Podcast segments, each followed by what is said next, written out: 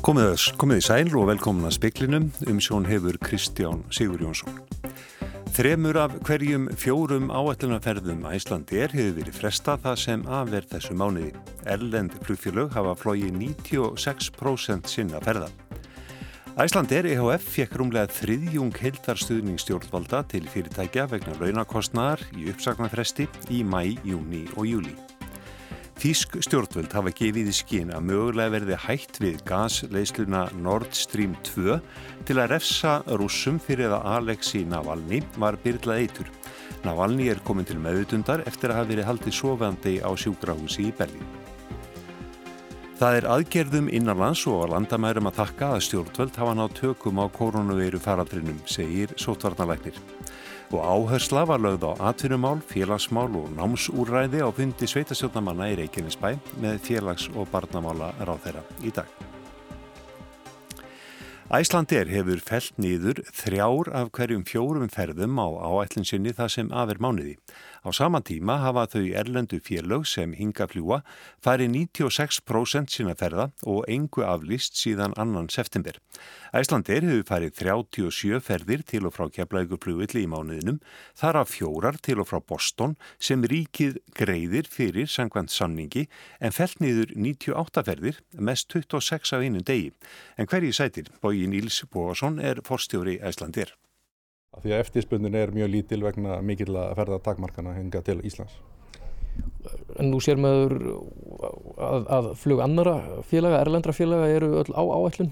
Af hverju geta þau haldið áfram að fljúa en ekki þið?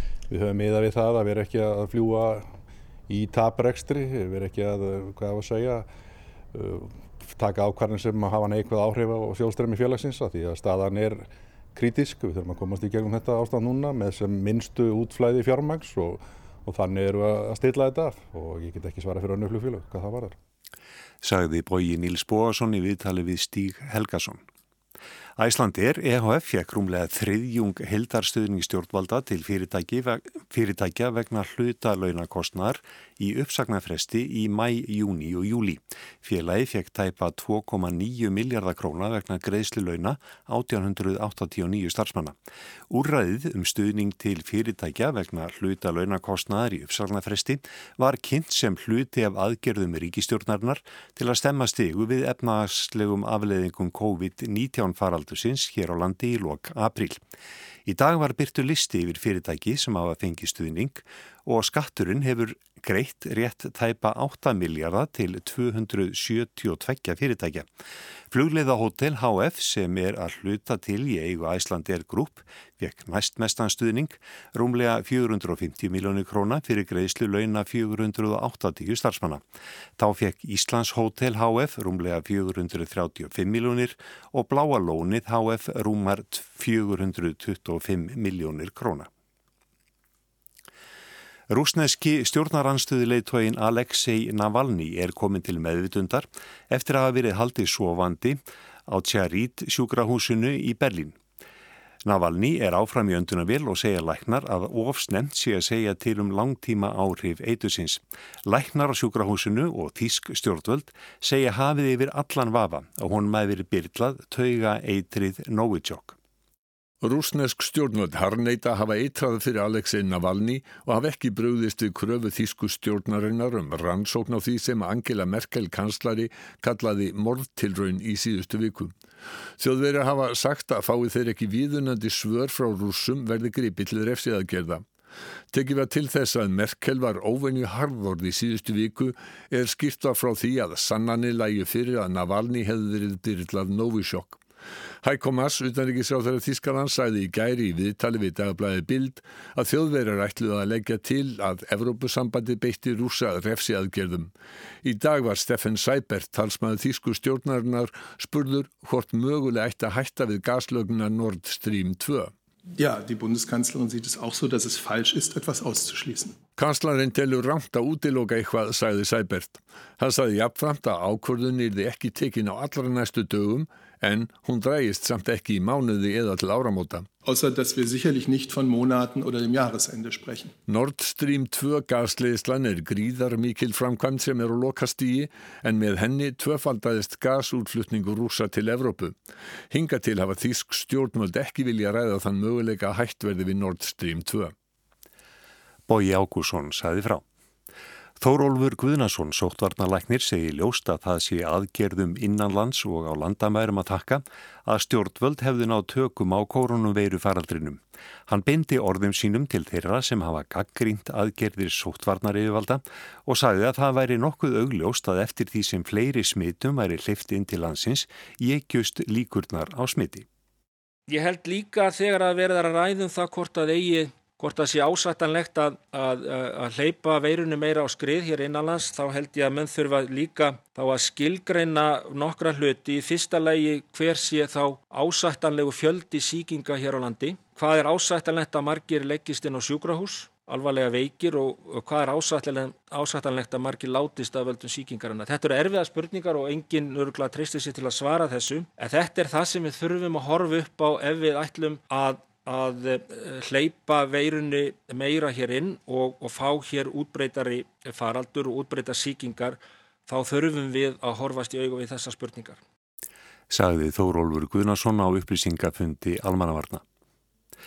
Sveitarstjórnamenn í Reykjanesbæ lögðu áherslu á atvinnumál, félagsmál og námsúræði á fundi sínu með ásmundi einari daðasinni félags- og barnamálar á þeirra fyrir í dag.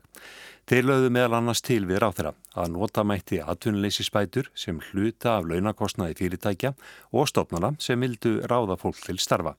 Þannig mætti íta undir tilurð nýra starfa, segir Jóhann Fridrik Fridriksson, bæjarfulltrúi framsóknarflokksins. Mér fannst sör hans vera bara á jákaðum nótum. Þetta er eitthvað sem maður þarf að auðvitað skoða í ráðunitinu en við höfum lagt þetta til fyrst og fremst til þess að koma fólki sem fyrst í virkni. Sagði Jóhann Friðrik Friðriksson. Hann segir að ríki, sveitarfélög og aðlar vinnumarkaðarins þurfa að hafa hraðarhendur nú þegar atvinnuleysir í hæstu hæðum. Fleira skipti líka máli. Og hins vegar þá námsúræði sem að ég held að skipti miklu máli líka hér á svæðinu og tryggja að það sé til staðar. Jóhann sagði að sveitarfélagið vildi líka nýta úræð úr hruninu meðan landsmenn væri að þreja þorran þar til sæju út úr COVID-þókunni. Friðjón Einarsson, formar bæjaráðs Reykjanesbæjar og ottviti samfylkingarinnar, sagði í samtali við fréttastofu að fundurum með ráþara hafi verið mjög góður. Ímsir möguleikar í atvinnumálum og félagsmálum hefðu verið rættir og skilu vonandi fljótt árangri. Brynjólfur Þór Guðmundsson tók pistilinn saman. Alls voru haldnir 140 þingfundir á 150. löggefa þingi sem fresta var á fastudaginn og stóðu þeir samtals í 715 klukkutíma. Meðalengd þingfunda var um 5 tímar, sá stisti stóði í eina mínútu og sá lengst í rúma 16 klukkutíma. Og ég verði að spyrja hestistan fjármálar á þeirra, hverju á að taka mark á hér? Á að taka mark á fjármála áallun og fjármálafröðarpinu eða einhverjum tilkynningum embættismanna í fjármálaráðundinu. Þetta var Birgir Þórarinsson, þingmaðu miðflokks. Hann var ræðukongur þingsins og helt ræður samtals í 1413 mínútur eða um 23,5 klukkustund. Í yfirleiti alþingisum þingstörfin kemur fram á 253 frumverf voru lögð fram og þar að verðu 138 lögum. 46 þingsálíktunatillögur voru samþittar og 480 skriflegas fyrirspurni voru laða fram. Þá voru óundibúna fyrirspurnin til ráð þeirra 327 og sérstakar umræður voru 27. Fórseti, við erum enn og aftur mynd á það hér nú. Það er aðstæður sem við getum búið við gagvart náttúruöflónum hér á norður hjara veraldar. Og hér talaði Jón Gunnarsson, þingmaður sjálfstæðisflokks. Hann er sáþingmaður fyrir utan varaþingmenn sem minnst talaði en ræðutími hans var samtal 66 mínútur eða rúm klukkustund. Alls voru rúmlega 1000 þingmál til meðferðar á þinginu, lengsta umræðan stóði 45 klukkustundir og þar var rætt um samgöngu áallun. Anna Lilja Þóristóttir tók saman og spilu voru brot úr þingræðum Birgis Þórarinssonar og Jóns Gunnarssonar.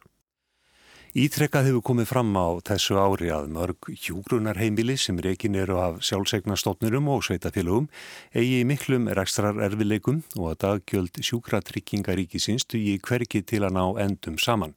Akureyrarbær hefur þegar sagt upp samningi sínum við ríkiðum rekstur hjúgrunarheimila í bænum. Heilbreyðistofnun Norðurland sem er ríkistofnun tekur við rekstrinum um áramót. Nokkur önnur sveitafélög í huga að gera sliktið sama verði ekki breyting á rekstrar fórsendum. Til að ræða stöðu hjúgrunarheimila er hingað komin, er hingað komin Eibjörg Haugstóttir, frangvandastjóri samtaka fyrirtækja í velferðarþjónustu og í síma er áskerður Gilvadóttir formar bæjaráðs Hortnafjörðar. Hún situr í stjórn sambands íslenskra sveitafélaga og er fyrsti varatingmaði framsóknar á Suðurlandi. Þá vinnur áskerur sem hjúgrunarfræðingur á skjólgarði sem er hjúgrunarheimili í Hortnafjörði. Eiberg, getur þau byrjað á því að fara stuttlega yfir þetta fyrirkomulag sem er á rekstri hjúgrunarheimila hér á landi? Þau eru ímistur ekki af sjálfsveiknastofnunum, sveitafélagum eða bynt af ríkinu en fá síðan samkvæmt samningi við sjúkratryggingar uh, daggjöld? Já, uh, þetta er nokkuð mér sjáft.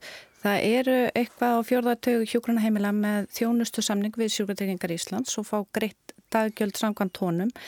Uh, þar eru einhverjar örfáar heilbriðstofnanir en flestar heilbriðstofnanir og, og, og svo landsbítalinn fá greita sagt samkvæmt fjárlögum fyrir sín hjúknarimi en uh, undir þessum þjónustu samningi við sjúkatryggingar eru í mest, uh, mestmægnis sjálfsegnastofnanir og sveitafélaga heimili eða sagt, hjúgruna heimili sem eru reygin af sötufélagum. Og þessi daggjöld, hvað hva er það stór hluti af, af rekstrar fínu? Þetta er allt rekstra fyrir. Já, það er bara þannig. Fjárveiting, já, hjúgrunaheimilin eru bara aðallu leiti reikin eh, á fjárframlegum frá ríkinu eða eiga verið að gera það. Það sem að hefur reyndar eh, komið í ljós og komið í ljós þegar að fór fyrst í þess að fórum í þess að samninga gerði ríkið um þjónustu samninga sveitafjölu hafa verið að greiða umtalsverða fjármunni beint og óbeint með rekstri hjúgrunaheimila út á landi og að mínum að orsakast það helst af því að rekstrafið er ekki nægt fyrir hjókunaheimilin og sveitafélagin eh, vilja ekki eh, missa þjónustuna út úr bæjafélaginu eða missa niður þjónustustíð og hafa verið að greiða með því bæði bara með beinum fjárlögum en líka með því að uh, það hefur verið að rekna launst þessar stafsmanna hjá sveitafélaginu og ræstingar og alls konar svona viðbótu þjónusta sem við veit það er gegn. Mm. Ásker, áskerður Gilvardóttir formabæðir ás Hortnafjörðar, þú kannast við þessa lýsingu og uh, hlut sveitafélagsins? Já, ég kannast mjög vel við þetta og það hefur geikið mjög vel að regna þessi heimili og síðustu árin hefur það þingst en það var í rauninni eftir að og gerði svona rammasamningur að það gekk bara alveg ágætlega að reyka þetta en, en núna síðustu árin að þá hefur það tekið ansi mikið í. Og hver er ástæðan fyrir því að þetta eh, það hefur hallað svona undan fæti? Ég, ég held að sko megir ekki að kannski til að rammarsamningur við samtökfyrirtæki velferðarþjónustu sambandið og, og hérna smitið við sjöklutryggingar rann út og það eru breytingar sem að í rauninni hætti tenging daggjaldana við hjókurna þingd og einsar aðra breytingar sem voru gerðað Þannig að rekstra fyrir reyninni lekkaði milli ára og þannig að þá, þá byrjaði vandin, þetta er í janúar 2019 sem að virkilega sprengdi að og þetta náttúrulega hefur verið hækkanir á öllum aðfengum og launum og er slíku sem að í reyninni er ekki tekið inn í, inn í svo jöfnu. En nú mætti kannski spyrja sem svo, er þetta ekki, og hefur það ekki komið í ljósara í rekstri spítala einnig að heilbriði stopnanir bara eðli þessi rekstus er þannig að það þarf alltaf meiri og meiri pening? Jú, það er alltaf þannig að hjá okkur verður oft veikara fólk og, og sem að er í reyni með þurfa, þurfa meiri pening varandi bara umannun og, og varandi lifjakostnað og, og annars líkt og það, það tingist og það er náttúrulega metnaður okkar allra held í standi til þess að fólk geti verið sem lengst heima hjá sér og, og það er að leiðandi náttúrulega er veikara fólk sem kemur inn á hjókurnaheimilinu þannig að þetta er í reyni heilbreyðistofnanir fyrir aldraða þannig að, þannig að þetta, þetta hefur tingst og hérna áður fyrir að það var það var stundum erfitt eitt og eitt ári en það réttist af þannig að það var sveifla milli ára sem að sjálfur sér sveitafélagið kannski var að leggja til en, en ekki svona miklar upphæðir eins og, eins og er orðið í dag. Eibjörg, er, er þetta heppilegt fyrirkomulag, þetta fyrirkomulag sem að þú verið að lýsa hérna á rekstrinu? Mm, þetta ætti að geta verið mjög, sko að mörguleiti heppilegt fyrirkomulega þetta þarna að gera þjónustu samninga við ríkið og það sé vel skilgrein hvað kröfur er að gera til þjónustunar. Það vantar bara svolítið upp á umgjörðina til þess að þessi hugmyndafræði gangi upp. Það vantar meira samræmi á milli þjónustunar, uh, sem sagt krafnarnir sem eru gerða til þjónustunar, þess að þingdar sem að verð þingdaraukningu sem að er verið að vísa hérna til sem verður og svo fjárvettingarinnar. Eins og þarna líst þá hérna, er búið að vera til dæmis aðhalskrafa núna undanfærin þrjú ár á hjúgrunarheimilinn á sama tíma á hjúgrunarþingdin er að aukast og hann hefur ekki verið mætt með fullnægandi hætti og í rauninni í þessum samningi var sérstaklega í, í rauninni um það samið, það var ákveðinu samningur að, að það yrði ekki til dæmis hækkun á árinu 2020 vegna aukina hjúgrunarþingdar og það er náttúrulega bagalegt því að það er nú ekki svo langt sen að koma út, koma út rannsókn í læknablaðinu sem síndi fram á það að tíðni Alzheimer, hjartabilnar, síkusíki, lungnateppu og fleiri alveglega sjúkdóma hefur aukist mjög hjá íbúum hjúgrunheimila og þar bara er í niðurstöðun tekið fram að þessi líklegt að umönna þarf íbúið sér önnur og meiri núna heldur hún var fyrir tíu ára. Þetta er að þingjast sem sagt. Þetta er að þingjast og það er bara til rannsóknir því til stöðnings og ástæðan er líka svo að það var tekið upp nýtt breytt svona fyrirkomlega þá á intöku íbúin á hjókunarheimili þannig að nú í rauninni fær hjókunarheimili tvö nöfn til að veljum sem eru þá þeir þingstu hugsanlegu íbúar inn á heimilið og getur ekki í rauninni, það er ekkert mótvæg að móti þegar að greiðslunar eru svo ekkert að aukast í hlutfalli. Hmm. Áskilur, hafa uh, stjórnmálamenn, hefur ríkistjórnin sínt þessu máli uh, nægilega stuðning og skilning? Já, það, sko, það er nú þannig að þegar þessi málur er rætta þá sínir fórst í skilning en stuðningurinn hefur samt ekki komið fram í því formi að endur skoða þessi fjárfallu.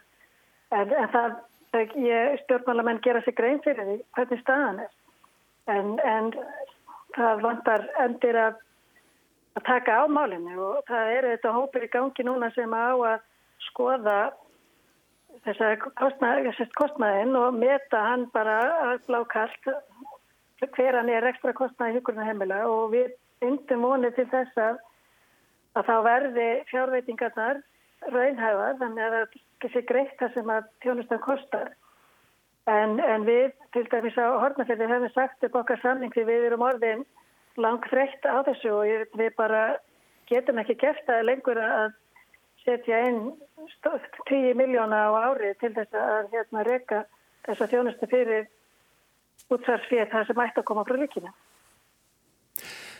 Nú er, það er svona fyrir síðan að það koma núna mjög stórir árgang, árgangar sem að koma til með að þurfa að nýta sér stjónustu hjúknarheimilina og þetta er kannski kröfuharðir árgangar, kröfuharðari heldur en svo kynslo sem að nú er að kveðja.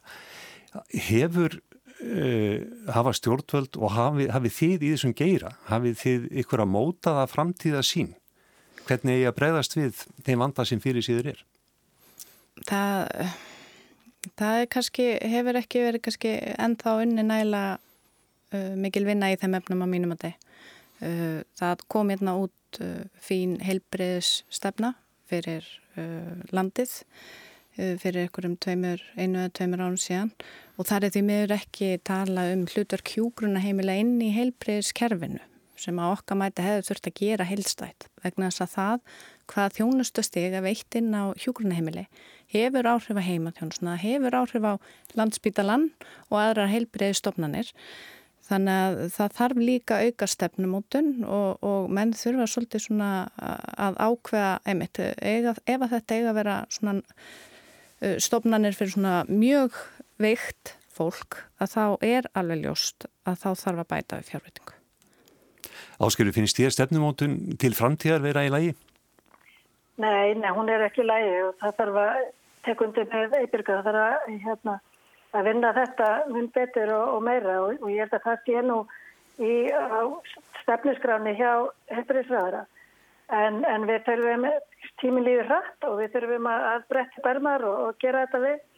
Og það er náttúrulega að við gerum okkur alveg grein fyrir því að, að, að það er alltaf stór hluti að hverjum árgang sem að á við veikinda stríða og sem að mun þurfa hjúkurna heimilum að halda þó svo að stefna svo að fólk geti verið sem lengst á sína eigin heimili.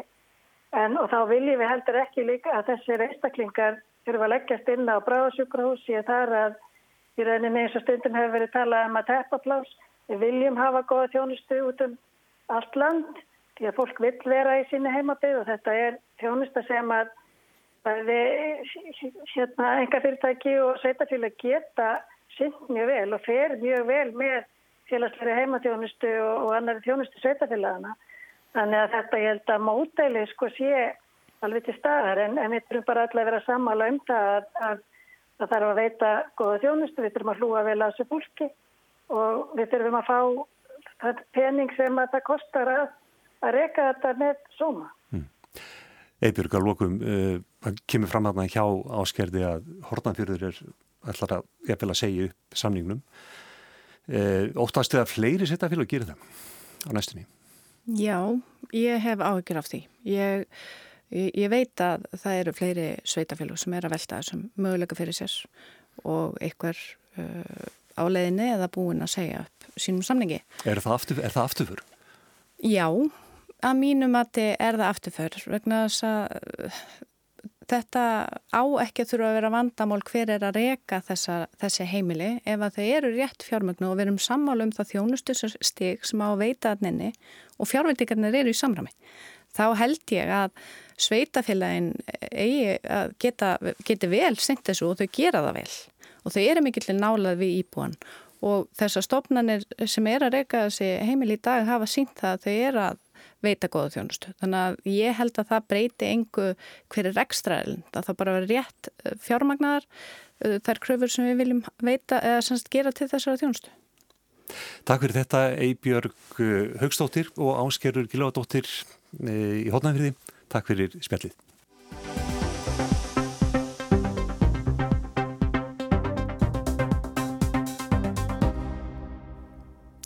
Kjarasamningar eru lausir hjá starfsmönnum álverana tryggja sem rekin eru hér á landi. Öll verkælísfélög álvers Norðuráls á Grundartanga hafa búðað verkföll frá 1. desember. Formaður verkælísfélags Akarnes segir að deilan á Grundartanga sé stál í stál. Hér á landur er ekki þrjú álver, álverið í Strömsvík, Ísal sem er eigu Ríó Tintó, álver Norðuráls á Grundartanga og loks Alcoa á Reyðar fyrir austan. Samlingar fimm félagi álverðin í Strömsvík runn út 1. júni í fyrra. Árangurslausar viðrar höfðu staði yfir í nokkur tíma og talsveið harka var komin í kjaratilni voru og bóða var til verkvals 24. mars. Ekkert var að því vegna þess að sami var áður en verkvall skall á. Í raun var gerðuð þryggja mánuða samlingur til 30. júni, launatakstar voru uppreiknaðir með við 1. júni 2019. Hins vegar var samiðu nokkuð sérstakann fyrirvara. Samlingurinn myndi framleikjast til 31. mars á næsta ári, efri og tind og móðurfélag Álversins í Strömsvík næða semja við landsvirkjunum nýjan raforkursamning fyrir 30. júni í sömar. Það gekk ekki eftir og framlengdur samningur fjell döður neyður og þar með 24.000 krónahækun sem átt að koma 1. júli. Deilan er komin aftur til ríkisáttasemjara. Haldnir hafi verið sátt tveir sáttafundir og sátt þriðji hefur verið bóðar á næstu dögum. Hins vegar bólar ekkert á samkómulagi Rí og Tinto og landsvirkjunar en það hafa yngar viðræður verið síðustu rúma tvo mánuði eða frá því í júni. Rí og Tinto hefur kvarta til samkynistofnunar, fyrirtæki telur að landsvirkjun mismunu álfyrirtækjanu þremur og misnóti markasráðandi stöðu sína. Í álveri Alcoa á reyðarferði hefur verið bóðað samlingaföndur á förstu daginn, samlingar þar losnuði í lók februar. Viðræður hófust snemma á þessu ári en þeim var frestaði vor fram á haust. Verkaleysfélónum tveimur sem deila nær til þóttu ekki miða vel og að talsvert langt væri milli aðila og þá bættist ástandið vegna COVID við.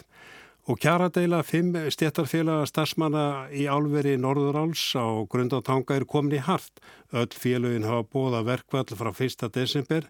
Það tekur þó nokkur tíma að slökkva á verinu.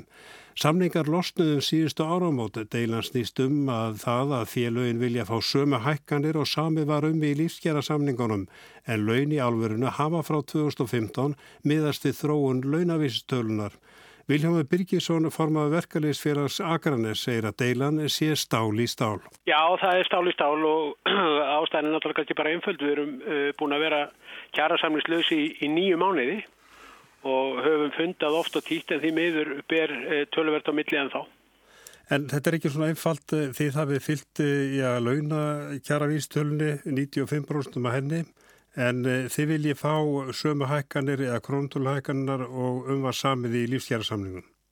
Já, það, þannig er staðan núna. Það var náttúrulega tekin vinnumarkarinn í heilsinni tók höndum saman um það að búa til hér ramma sem heitir lífsgjærasamningurinn og það er einfallega þannig að lífsgjærasamningurinn hann gagnast uh, fólki sem er á kauptökstum hvað best og við viljum bara fylgja þessari línu sem að umvar samið á hennum almenna vinnumarkaði við samtök aturlýsis og höfum gert á stílösu kröfu að lífskjara samningurinn og það er hækkanir sem að hviði er á í honum uh, taki gildi gagvat starfsmennu Norðurlós en því miður að þá hafa þeir hafnað því alfarið til þessa. Já, hvers vegna, hafið þið reiknað út hvaða máli það skiptir að fylgja launavístölni og eða fari krónutölu hækkanir?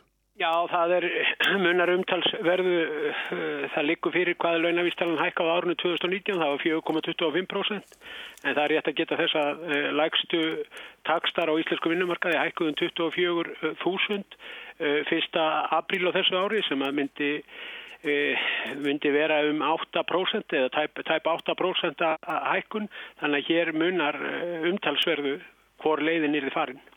Þetta eru fimm fjölög, uh, flestera eða öll er að hafa bóðað verkvall frá 1. desember og Vaffer og verkefliðsfélag Akarnes ja, yfirvinnubann frá með hvaða tíma?